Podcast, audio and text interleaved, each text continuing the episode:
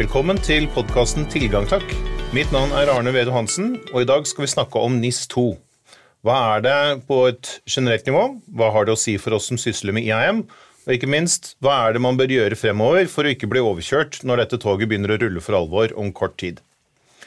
For å hjelpe meg eh, med å få oversikt over dette, har jeg i dag fått med meg min Cloudworks-kollega Stefan Mehl Ludvigsen, som er IAM-rådgiver. Velkommen skal du være, Stefan. Mange takk. Ja. Før vi begynner å gå løs på, på det hele, så er det vel viktig å presisere at vi er ikke jurister. Det er vi ikke, nei. Nei.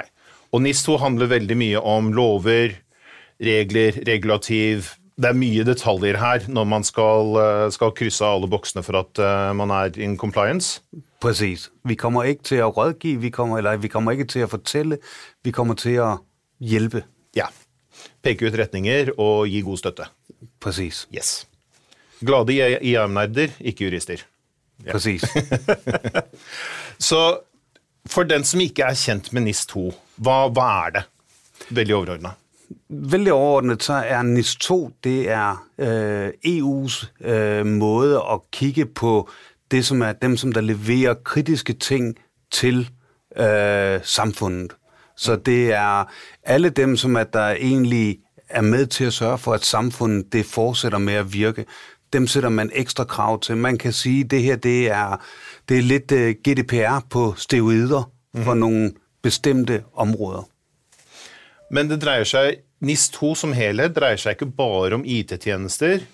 Det dreier seg om veldig mange andre ting også. Ja, det er, det er alt fra, øh, fra supply chain øh, til crisis management, til øh, uddannelse af medarbejdere, til sikring af, af, af, hvad hedder det, af rettigheder, til øh, ja, hvad sker der, hvis der er, der sker noget? Hvordan, øh, hvordan sikrer vi, at samfundet kører videre? Så alle de her aspekter er med. Mm. Og det som også er en interessant nuance å få med seg om NIS2, er jo denne forskjellen på regulativ og direktiv. Hva det har å si for hvordan vi arbeider med det. Fordi NIS2 er et NIS2 er et direktiv. Ja. GDPR er et regulativ. Og den store forskel er, at et regulativ fra EU betyder, at det er lov, og den her lov, den skal indføres, som den er, i de enkelte landes øh, øh, lovgivning. Et direktiv er en retning på, hvad man gerne vil have ind, men det er de enkelte lande, der selv skriver det færdigt, tilføjer ekstra ting, hvis de vil have det, og ændrer noget formulering. Hovedlinjerne er lagt, mm. men det er op til de enkelte lande at indføre det, og der er ikke et krav om, at de indfører det, som det er. Det er der med et regulativ. Et regulativ, det skal indføres. Så NIS2 blir mer som et sånt lavvandsmerke på hva vi kan forvente at kommer, sånn at de ulike landene vil minst innføre disse kravene, og så vil hvert land kunne legge til ting på toppen av det? Præcis, og ja. de kan formulere det lidt, som de gerne vil. Okay. Så det er, der er nogle ting, der ligger fast, mm. men det er mere en ramme, at man propper ting ind i, sådan at hvis der er noget i et land, der er, der er mere vigtigt, det kan være, at øh, øh, i Norge tror jeg, man bruger meget strøm ved hjælp af vand, mm. og i øh, Danmark, der bruger man meget strøm ved hjælp af vind, så kan der være forskelle på, hvordan at man vil, øh, man vil regulere de to ting, alt efter om man er Norge eller Danmark. Mm. Så det betyr jo at sluttbildet for hva NIS2 er, er foreløpig litt uklart, men det er allerede en del ting som, som, man kan begynne å jobbe med, og som man kan ta utgangspunkt i at dette, dette vet vi at dette er i hvert fall ting som er innafor.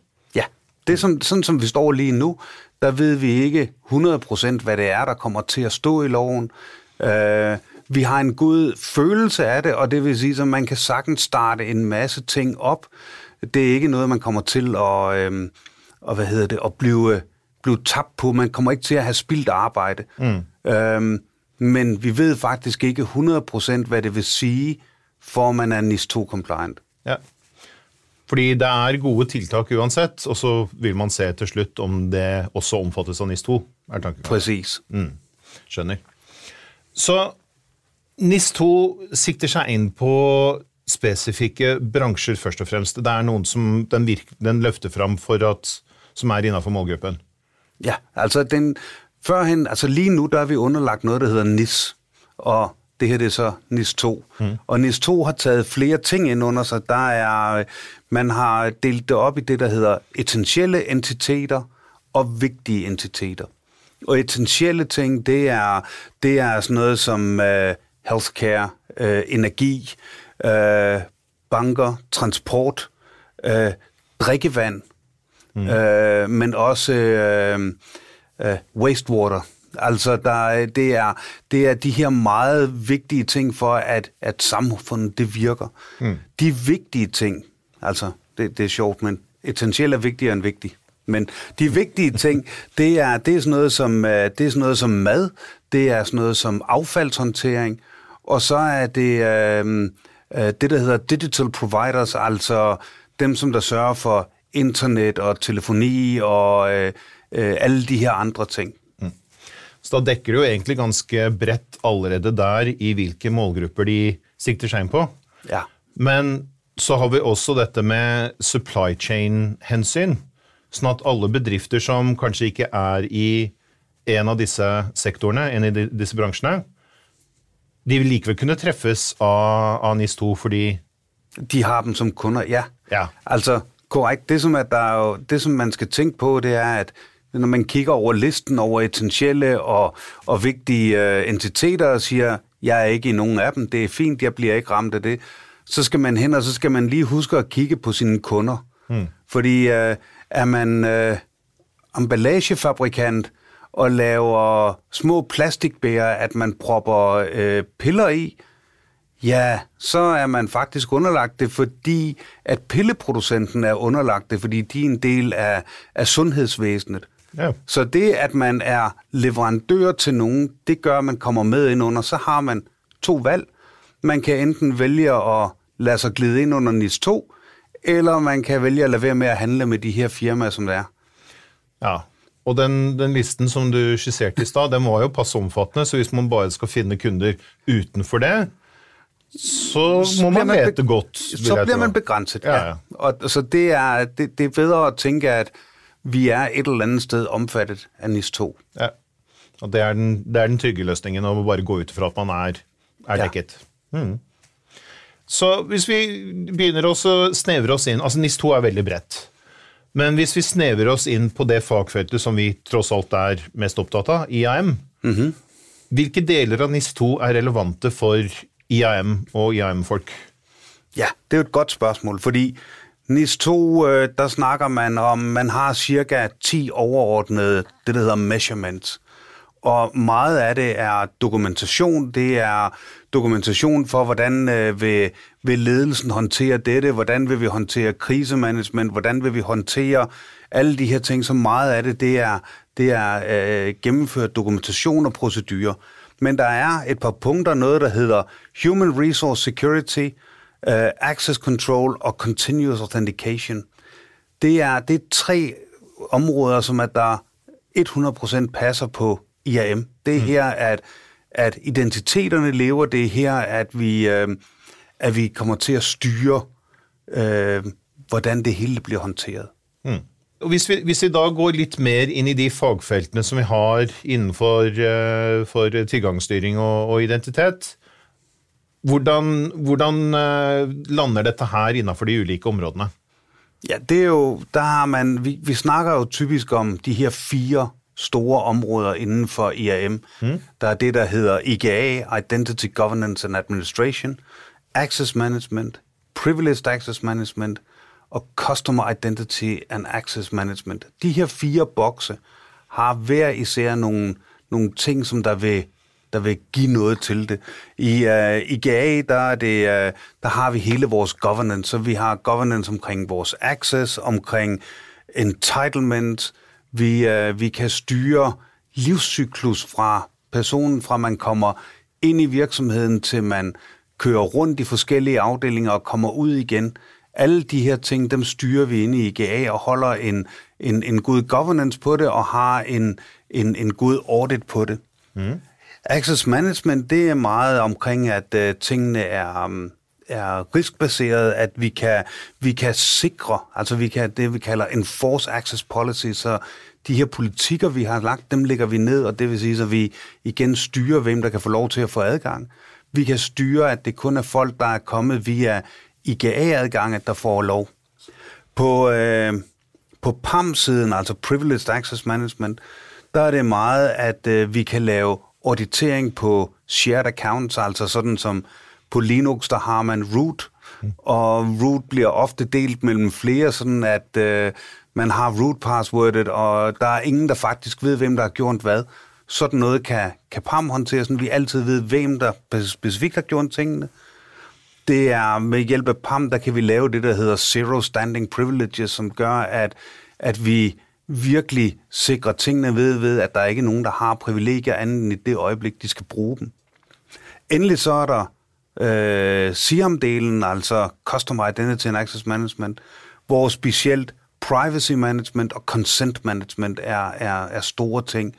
Consent management, det er det, vi kender med, at vi giver samtykke, sådan at øh, man må bruge tingene, så det vil sige, så her der, der ser vi, jamen, vi har fået samtykke til at gøre de her ting, og, og hvis det er, at den her person, der har givet samtykket, ønsker at trække det tilbage, så er det også consent manageren, der sørger for det. Mm.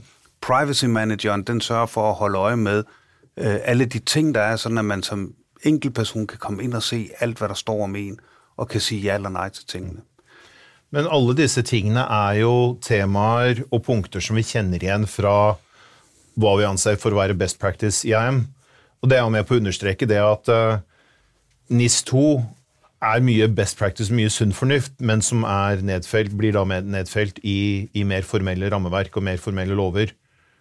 Men gjør man Dette er ting man trenger å ha på stell uansett, så det å, å jobbe med det her er, er, vel verdt det, selv om det til syvende og sist kanskje ikke akkurat kommer innenfor NIS 2, eller at NIS 2 kanskje omfatter litt mer. Så Helt korrekt. Altså, det er jo, der er ikke noget i NIS 2, som ikke er sund fornuft. Mm og man kommer faktisk rigtig langt med sund fornuft, og, og der er ikke noget af det her, hvor man kan sige, det er, det er spildt tid eller spildt arbejde, fordi i al almindelighed burde alle gøre det. Øh, at man burde have governance omkring sine, uh, sine ting, at man burde have styr på sine kunder, alle de her ting. Det, der er jo, det, der er lidt af i det, det er, at, at øh, jo mere digitaliseret verden bliver, mm jo mere behov er der for reguleringer, fordi at det ikke alle, der egentlig opfører sig ordentligt og egentlig sørger for at, at lave good practice. Derfor så kommer de her regler, men de, de er ikke der for at, at, at slå os i hovedet. De er der, fordi at det giver mening. Det giver mening både for dem, det går ud over, men virksomhederne får også noget positivt ud af det. Det er jo godt at have en plan for sin supply chain. Mm. Det er godt at have en, en, uh, en procedure over risk management. Hvad sker vi, hvis, uh, hvad gør vi, hvis huset det brænder? Uh, hvad gør vi, hvis vandet ikke virker? Hvad gør vi, hvis den her leverandør går konkurs? Det er godt, at man har alle de her planer i forvejen. Mm. Det er godt, at man har life cycle management, at man kan provisionere og deprovisionere. Alle de her ting er jo, er jo virkelig gode ting at have i al almindelighed. Mm. NIS 2 presser bare mere på, at det bliver alle steder, man gør det, i stedet for kun dem, som der tænker, det er klart. Ja. Så, så NIS 2 blir mer som en liten justering, eller som et lite tillegg til eksisterende sikkerhedsstrategier? Altså, nu kommer vi jo igen ind i jura versus øh, den her verden, fordi øh, jurister vil helt klart sige, at det er meget mere.